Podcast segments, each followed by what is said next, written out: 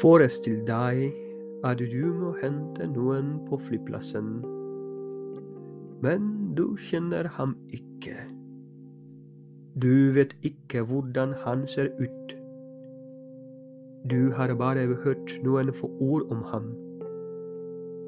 Du har også din forestilling om hvordan han kan se ut. Det er veldig sannsynlig at du ikke vil gjenkjenne ham. Hvorfor? Fordi noen få ord som du har hørt om ham, og din forestilling om hvordan han kan se ut, er ikke nok.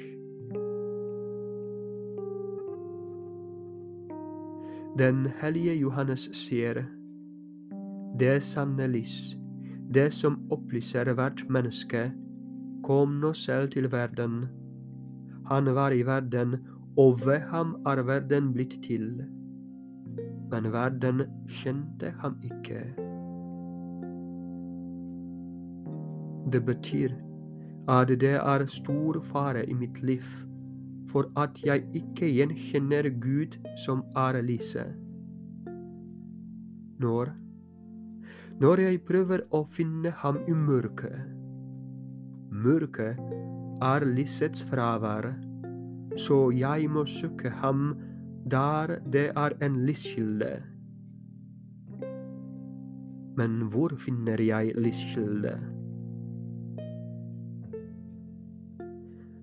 Lyskilden er i min personlige bønn. Lyskilden er i Guds ord.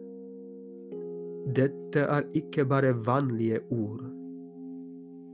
For Guds ord er levende og virker kraftig og skarpere enn noen tveget sverd, leser vi i brevet til hebreerne. Lyskilden er i alle sakramenter, og hvert sakrament er et synlig tegn på Guds usynlige nåde. Lyskilden er i åndelig vennledning. Lyskilden er i katolsk kirkelære. Jesus sa til Peter, Og jeg sier deg, du er Peter, og på denne klippen vil jeg bygge min kirke, og dødsrikets porter skal ikke få makt over dem. Det betyr at Jesus ga sin makt til Peter og til pavene som har fulgt etter ham. Derfor kan jeg bli sikker på at det som Kirken lærer meg, er sant og kommer fra guddommelig inspirasjon ikke fra min egen forestilling.